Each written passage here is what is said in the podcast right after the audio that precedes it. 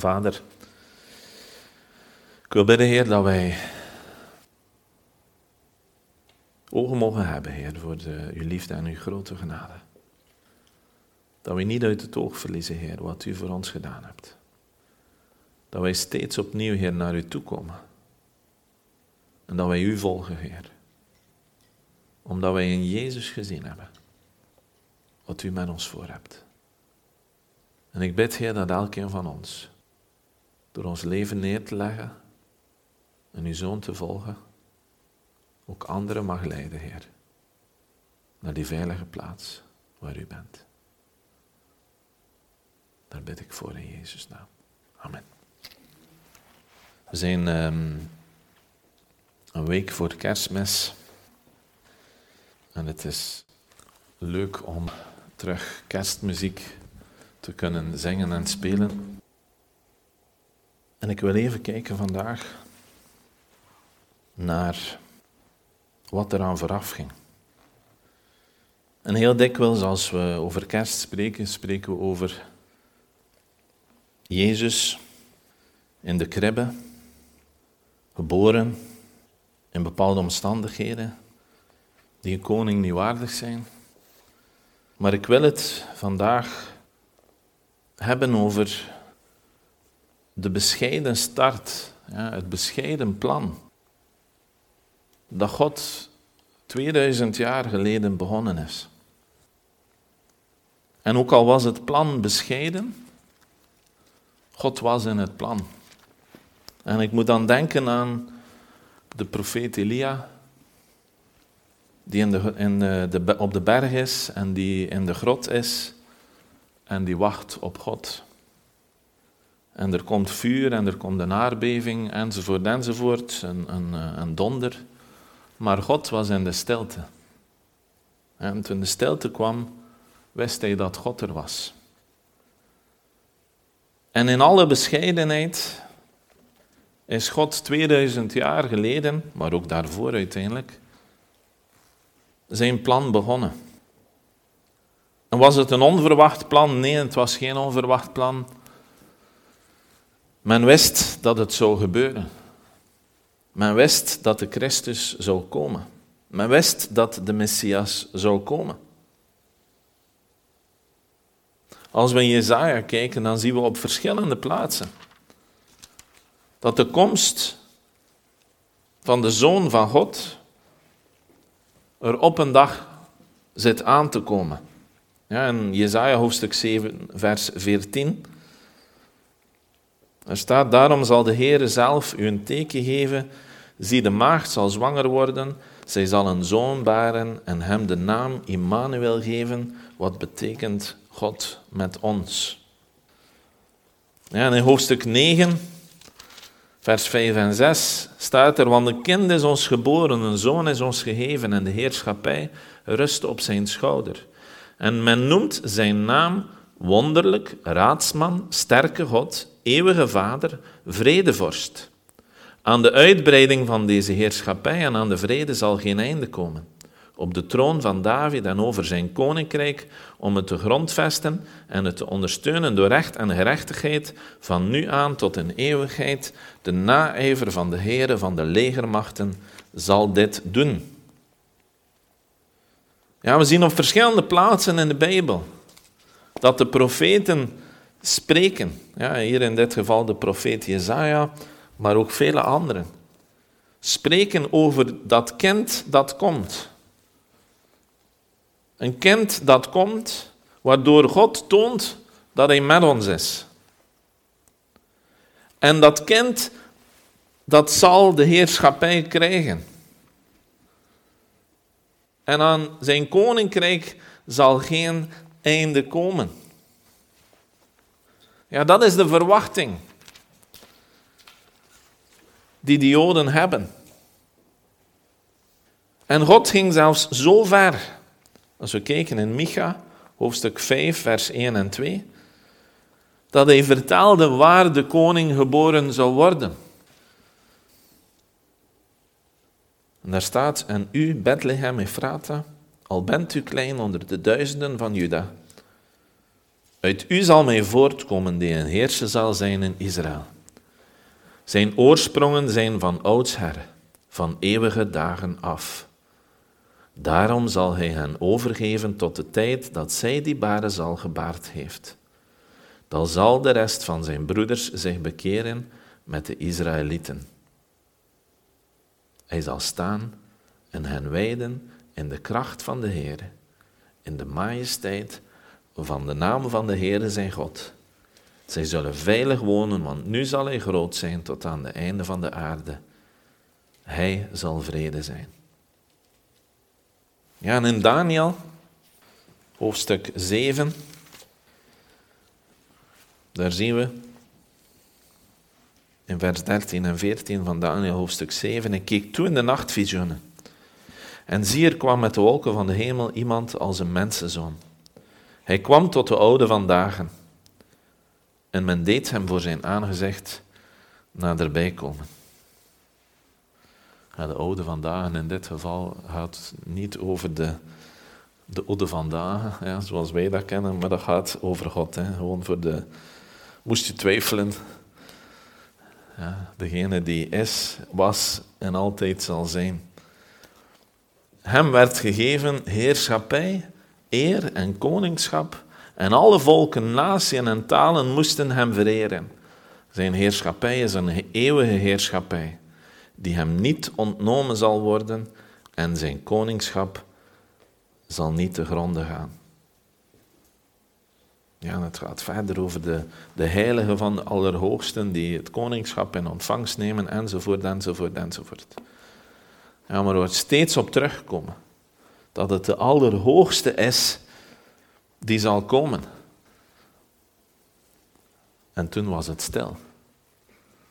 Ja, want 400 jaar heeft God niet meer tot zijn volk gesproken. Al die voorspellingen. En uiteindelijk zien we dat God zijn plan uitwerkt op een heel bescheiden manier.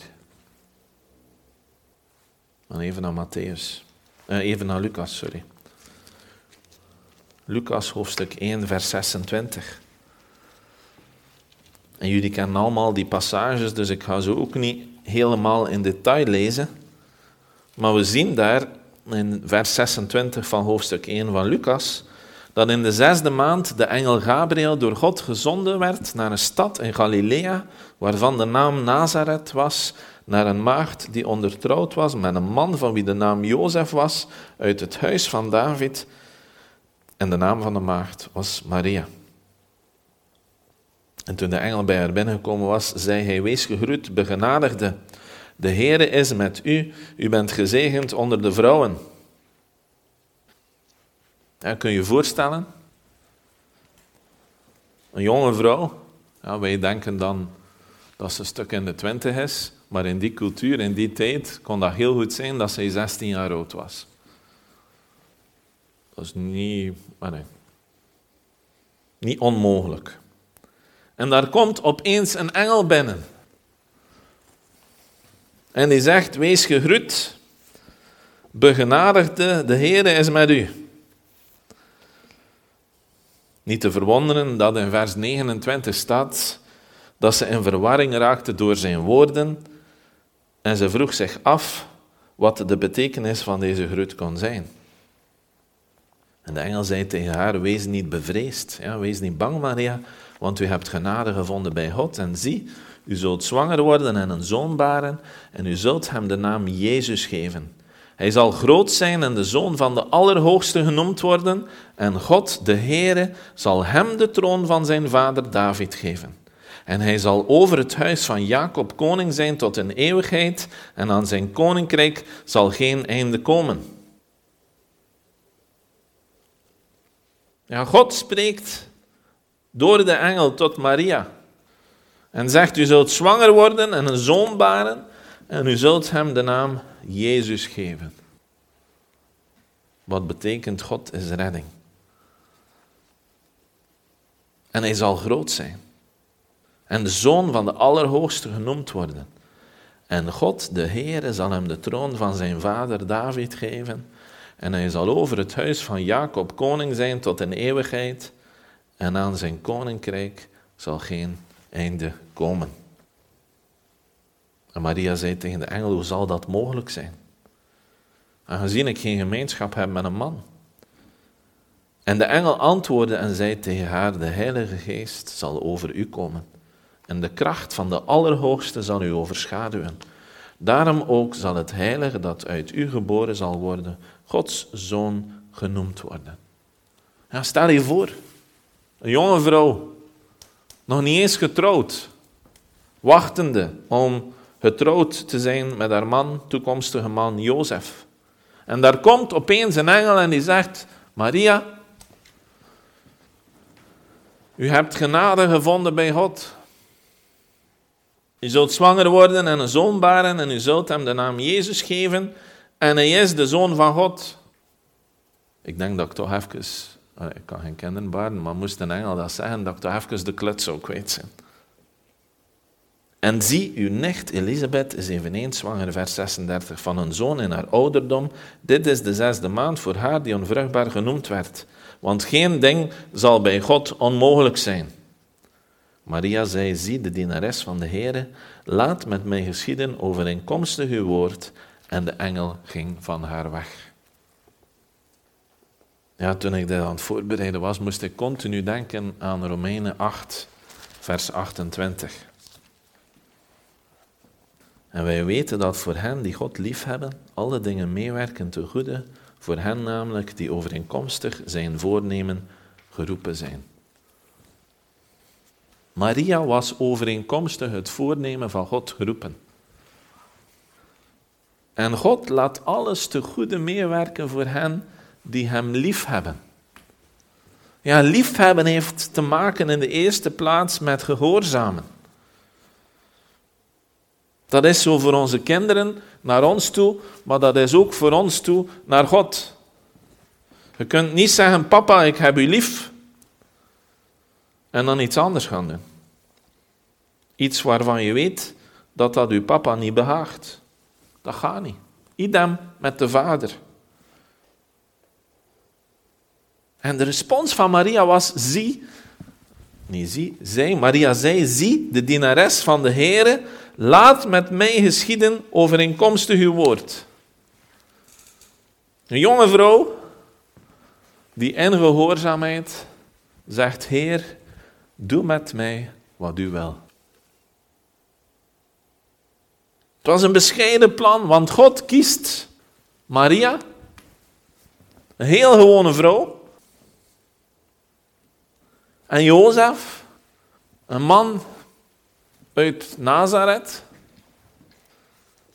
een rechtvaardige man, want dat is wat er staat in de Bijbel, maar geen koning, geen priester, niemand met positie.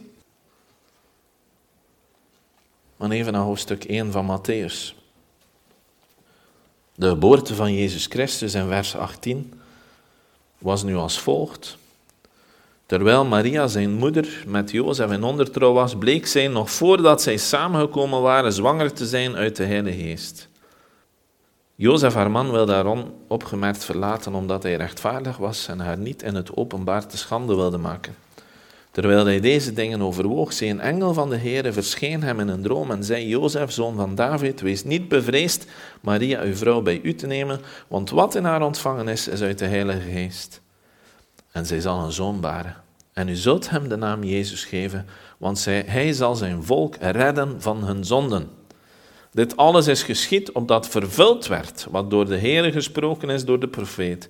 Toen hij zei, zie, de maagd zal zwanger worden en een zoon baren en u zult hem de naam Immanuel geven. Vertaald betekent dat God met ons. Toen Jozef uit de slaap ontwaakte, deed hij zoals de engel van de Heer hem bevolen had. Ja, we zien Maria aan de ene kant, waar de engel verschijnt. Het was een bescheiden start maar God was in die start. Het was een bescheiden start van zijn plan, maar God was in het plan. Want hij sprak doorheen de engel tot Maria. En hij sprak via de engel tot Jozef. En tot beide zei hij dat de zoon van God geboren zou worden. En dat zijn naam Jezus moet zijn. En dat wat hij, de zoon die geboren wordt, dat hij de vervulling is van wat de profeet Jezaja gesproken heeft, namelijk God met ons. Het plan begon met twee eenvoudige mensen.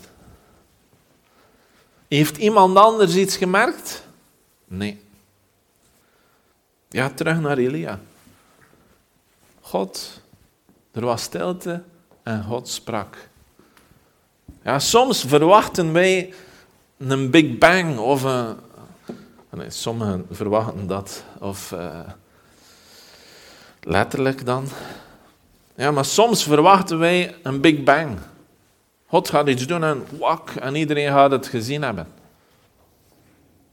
Maar dat is meestal niet de manier waarop dat God werkt. God start meestal op een heel bescheiden manier met mensen die zich dienstbaar opstellen ten opzichte van Hem. En in alle stilte begint God iets te doen. Vertelde hij hen alles dat er zou gebeuren? Nee. Hij vertelde hen enkel dat de zoon van God geboren zou worden. Dat is het enige dat ze wisten. Moesten ze meer geweten hebben, ik weet niet of het te dragen zou zijn. En soms vragen wij ons af, wat is God van plan? Vertrouw gewoon op Hem. Hij heeft een plan. En in dat plan zorgt hij ervoor dat alles te goede werkt voor degenen die hem lief hebben. Voor degenen die zich dienstbaar opstellen. Voor degenen die niet bezig zijn met zichzelf, hun imago, maar met wat dat God wil doen. Was het eenvoudig wat God deed? Nee, want Maria was zwanger. En in die tijd Zwanger worden zonder getrouwd te zijn, dat was een schande. Het is nog altijd een schande, maar niemand legt er nog waar van. Alles moet kunnen. En voor Jozef ook. En toch gehoorzaamde hij God. Hij was niet bezig met wat zullen de mensen denken. Wat zullen ze zeggen? God had tot hem gesproken en hij gehoorzaamde. En het prachtige plan dat God had door de Zoon van God te sturen, waren er maar vier mensen die ervan wisten. Maria, Jozef, maar zij waren rechtstreeks betrokken. En dan is er nog Elisabeth en Zacharias. Maar dat zijn de enige vier. Ja, daar even bij stilstaat. God stuurt de redder van de wereld. Het zijn maar vier mensen die het weten dat hij komt. Voor zo'n plan. Vier mensen. Zo kan zeggen, het is de moeite niet. Maar ondertussen zijn er wel miljoenen die het weten. Maar het is begonnen met die vier. Laten wij ons dus niet blind staren op aantallen. Ja? Ons niet blind staren op het kleine. Moest mij daarop blind staren, dan begin ik niet meer te prediken de zondagmorgen. Ja? Dan moet ik denken, is het wel de moeite? Maar dat komt niet bij mij op. Want het is de moeite. Alleen al voor mezelf is het de moeite. Ja? Dus ik wil niet egoïstisch zijn. Ik hoop dat voor jullie ook de moeite is. Maar ik bid wel dat God anderen mag sturen. Ja, ik bid wel dat wij ook anderen mogen bereiken. En dat wij in alle bescheidenheid deel mogen uitmaken van zijn plan. Maar even terug naar Lucas. Dat viel mij nu echt op. Want meestal met kerstmis zijn we bezig met de geboorte van Christus. Maar het viel mij echt op dat die vier mensen, en oké, er hebben misschien nog anderen ook gehoord, maar ik weet niet of dat ze het begrepen hebben. Ja, dan zien we Maria die bij Elisabeth komt. In Lucas hoofdstuk 1 nog altijd. In die dagen stond Maria op en reisde haastig naar het bergland, naar de stad van Juda. En zij kwam in het huis van Zacharias en groette Elisabeth.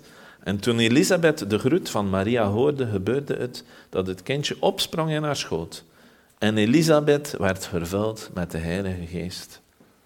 Ja, God is in het plan. Maria komt bij Elisabeth. Dat kind springt op in haar buik. En Elisabeth wordt vervuld met de Heilige Geest. En ze riep met luide stem en zei, gezegend ben je onder de vrouwen en gezegend is de vrucht van je schoot. En waaraan heb ik dit te danken dat de moeder van mijn Heer naar mij toekomt? Ja, ze kon dat niet weten. Hè? Dat was de Heilige Geest die door haar sprak. Want zie, toen het geluid van die groet in mijn oren klonk, sprong het kindje van vreugde op in mijn schoot. En zalig is zij die geloofd heeft, want wat haar van de kant van de Heere gezegd is, zal volbracht worden.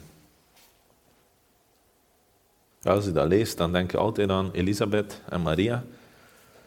Maar niet vergeten, het was in het huis van Zacharias. Hè. Dus Zacharias was daar ook bij, of heeft het toch op zijn minst gehoord. Ik kon het niet verder vertellen, ja, want ik kon niet meer spreken. Ja. Maar hij wist ervan. En Maria bleef ongeveer drie maanden bij haar en keerde terug naar huis. Ja, kun je je voorstellen? Ja, Zacharias die woont daar. En hij ziet dat gebeuren. God heeft tot hem gesproken. En gezegd, ja, je ziet dat in hoofdstuk 1, dat zijn zoon van de moederschoot af, vers 15, met de Heilige Geest vervuld zal worden, dat hij vele van de Israëlieten zal bekeren tot de Heer, en hij zal voor hem uitgaan in de geest en de kracht van Elia om het hart van de vaderen te bekeren. Ja, dus hij heeft hem gezegd, kijk, uw zoon die zal geboren worden en die zal voorgaan op de zoon van God die geboren zal worden. Maar kon het aan niemand vertellen. En op het moment dat Maria bij Elisabeth komt, wordt Elisabeth vervuld met de Heilige Geest en daar is Zacharias en kan er niet over vertellen. En Maria is daar drie maanden, dat moet nogal frustrerend geweest zijn hè, voor Zacharias, moet daar een bij stilstaan. Ja.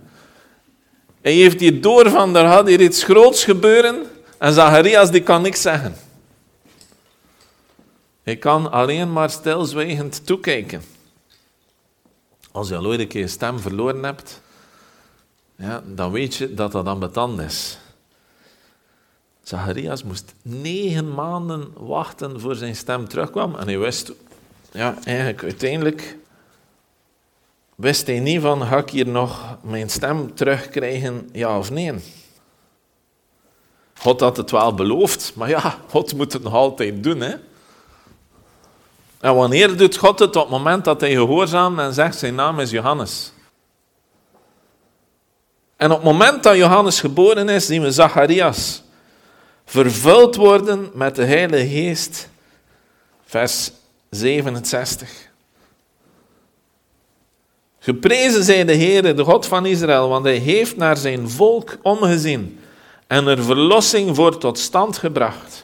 En hij heeft een hoorn van redding, een hoorn van zaligheid voor ons opgericht in het huis van David, zijn knecht, zoals hij gesproken had bij monden van zijn heilige profeten die er door de eeuwen heen geweest zijn.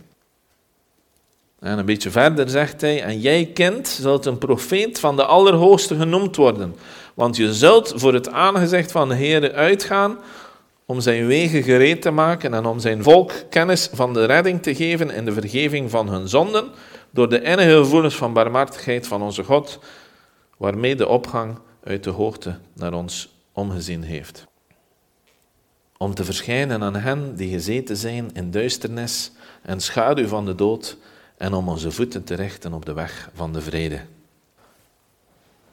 Ja, we zien Maria, een bescheiden jonge dame die God kiest. En God start zijn plan door de engel die verschijnt en Maria die zich gehoorzaam opstaat. We zien de engel die verschijnt aan Jozef. We zien de engel die verschijnt aan Zacchaeus. Eh, Zacchaeus. Zacharias. Zacchaeus is iemand anders. En we zien Elisabeth die vervuld wordt van de Heilige Geest. Die met luide stem uitroept. Waaraan heb ik te danken dat de moeder van mijn Heer naar mij toekomt. En we zien Zacharias die zegt en profeteert over het kind Johannes. Dat hij de weg bereidt van de Heer. Die vier mensen gebruikte God. En God was in dat plan. Door de engel die sprak, door de Heilige Geest die hen vervult. Ja, wat een belevenis. Ja, je bent daar vier eenvoudige mensen. En opeens is God op zo'n manier aan het werk dat zijn engel verschijnt. Ja, niet één keer, maar twee keer, drie keer. Verschillende keren verschijnt de engel aan verschillende mensen. En hij laat zijn geest werken om hen te geven wat te spreken. Het start heel klein. Het start met die vier mensen. Vier mensen die zich openstellen voor wat God wil doen. Zijn er boeken over hen geschreven? Nee. Ze worden vermeld een aantal keer, maar eigenlijk heel weinig. Ja, Jozef, het is niet veel over Jozef geschreven. Hè? En toch was hij degene die voor Jezus gezorgd heeft.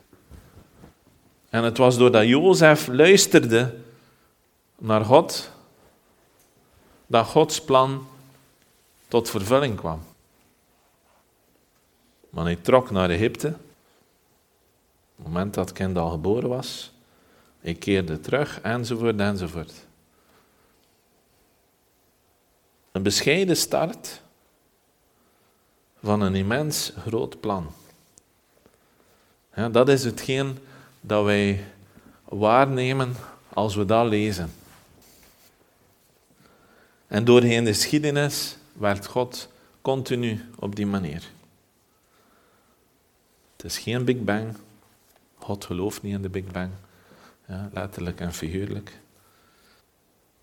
Maar op een heel bescheiden manier start God het plan dat de levens van miljoenen mensen zou veranderen. En we kunnen alleen maar in verwondering staan. En beseffen dat het klopt dat God alles te goede werkt. Voor hen die Hem lief hebben. Voor hen namelijk die overeenkomstig zijn voornemen geroepen zijn. En niet alleen hen, we hebben het woensdag ook gezien, die zich openstellen voor God, maar zelfs keizer Augustus, en dan lezen we hoofdstuk 2, wordt gebruikt om zijn plan te starten. Ja, doordat hij ervoor zorgt dat er een telling moet gebeuren. En dat iedereen terug moet naar zijn eigen stad, naar zijn geboortestad. Of de stad waarvan dat ze afkomstig zijn. En soms denken we als we rondkijken van, God heb je wel een plan. Het gaat de verkeerde kant uit. Ik denk in die tijd, als we rond zich keken, dat het de verkeerde kant uitging. Ze werden onderdrukt door de Romeinen. Ze waren verspreid overal. Er was maar een deel meer die overbleef. En toch startte God dat plan. Met vier mensen. Maria, Jozef, Elisabeth en Zacharias. En ze wisten dat er iets groots ging gebeuren. Maar ze wisten niet wat. En denk dat het maar best is ook. Ja. Denk, moest je als moeder weten dat je kind gekruisigd zal worden, dat je alles zou doen om te zorgen dat het niet gebeurt. Dus zei God gewoon, dat de Zoon van God ging komen. En voor de rest niet te veel informatie. Ja, dus als je niet alles weet en niet alles begrijpt, denk ik dat dat goed is. Ja, want anders zou je misschien zorgen beginnen maken. Dat hoeft niet. Maar God werkt alles te goede. Voor hen die hem lief hebben. Ja, het enige dat wij hoeven te doen, is ons geloof stellen in Jezus Christus. Vertrouwen dat het plan dat God toen op die bescheiden manier startte, dat dat het perfecte plan was. En dat God alles te goede zal doen uitdraaien. Ook al voelt dat niet altijd zo aan, maar dat is uiteindelijk wat het is. Laten wij bidden. Vader, ik dank u. Dank u, Vader, dat, dat uw plan voor de redding van de wereld, Heer, gestart is met mensen die zich niet arrogant opstelden, maar zich heel bescheiden opstelden, Heer, ten opzichte van u. Die hun wil, hun ideaal, hun verlangens aan de kant legden om uw wil te doen. En Vader, ik bid dat ook wij, Heer, die instelling mogen hebben. Dat wij onze wil, onze verlangens, onze ideeën ondergeschikt stellen, Heer, aan het plan dat u hebt. En dat wij ons nederig en bescheiden mogen opstellen, Heer, ten opzichte van u, de Allerhoogste. En Vader, ik dank u dat wij hier kunnen staan vandaag. Dat wij elke dag, Heer, mogen doorbrengen met u. Dat wij uw woord, Heer, zonder vrees voor ons leven mogen lezen. Dat wij hier mogen samenkomen, Heer, zonder dat er controle is. Maar ik bid dan ook, Heer, dat wij mogen beseffen welke rijkdom wij hebben. Geen wereldse rijkdom,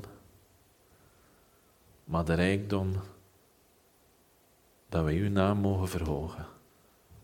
Dat wij uw Zoon Jezus Christus mogen volgen. En zo bij u mogen komen, Heer.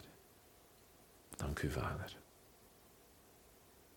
Heer, ik wil bidden voor degenen van onze kerk die er niet zijn vandaag. Ik wil ook bidden, Heer, voor de, de mensen rondom ons. Dat zij mogen beseffen, Heer, dat er geen leven is zonder u. Dat u toen dat plan begonnen bent, op een heel bescheiden manier. En dat u nog steeds dat plan aan het uitwerken bent, Heer. Dank u, Vader, voor uw grote liefde, voor uw grote genade. En dank u, Heer, dat u de liefde in ons hart uitgestort hebt. Dat we van die liefde mogen delen met anderen. Daar bid ik voor in Jezus machtige. Amen. Vader, we danken u dat wij kunnen vieren, Heer. Dat uw Zoon naar de wereld kwam. Dat we kunnen vieren, Heer, dat u gewone mensen gebruikte om dat plan tot uiting te brengen. Dat u niet, Heer, vanuit de verte stond te roepen, maar dat u besliste dat het nodig was om mens te worden. Om ons te leiden, Heer, en ons te tonen wat de weg is. En Heer, ik wil bidden dat dat mag verankerd zitten in ons hart. Dat het niet gaat, Heer, over de ambities en plannen die we in deze wereld kunnen bereiken die zo klein zijn in vergelijking met het plan dat u hebt. Maar dat wij mogen gefocust zijn op wat u wilt doen. Daar ben ik voor, Jezus, machtige naam. Amen.